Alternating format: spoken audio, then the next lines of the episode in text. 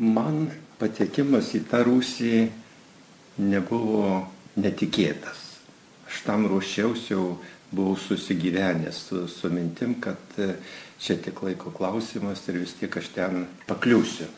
Bet aišku, buvo tam tikras sukrėtimas, kai įvedė į kamerą, metalinės durys, e, langas grotuotas. Tai tokia mintis atėjo, aha, dabar reiškia viskas, jau mano gyvenimas keičias, pabučiavau tas cementinės grindis ir sakiau viešpatį, jau dabar tu rūpinkis, tu vadovauk, jau aš čia nieko negaliu.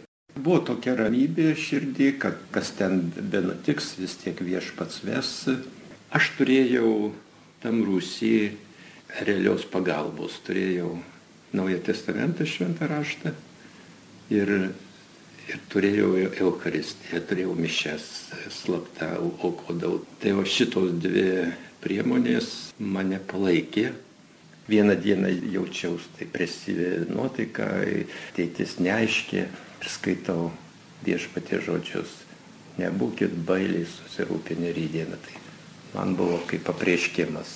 Pasidarė taip gerą ramų širdį, kad viešpats rūpinas, ko man reikia rūpintis. Manau, tą KGB kalėjimą galima palyginti su Kalvarijos kalnu. Ten perėjo mūsų partizanai, ten perėjo per 320 e, kunigų, ten perėjo mūsų vyskupai, beveik visi tuo metiniai žmonės ten kentėjo, ten buvo mušami, ten buvo kankinami, ten buvo šaudomi.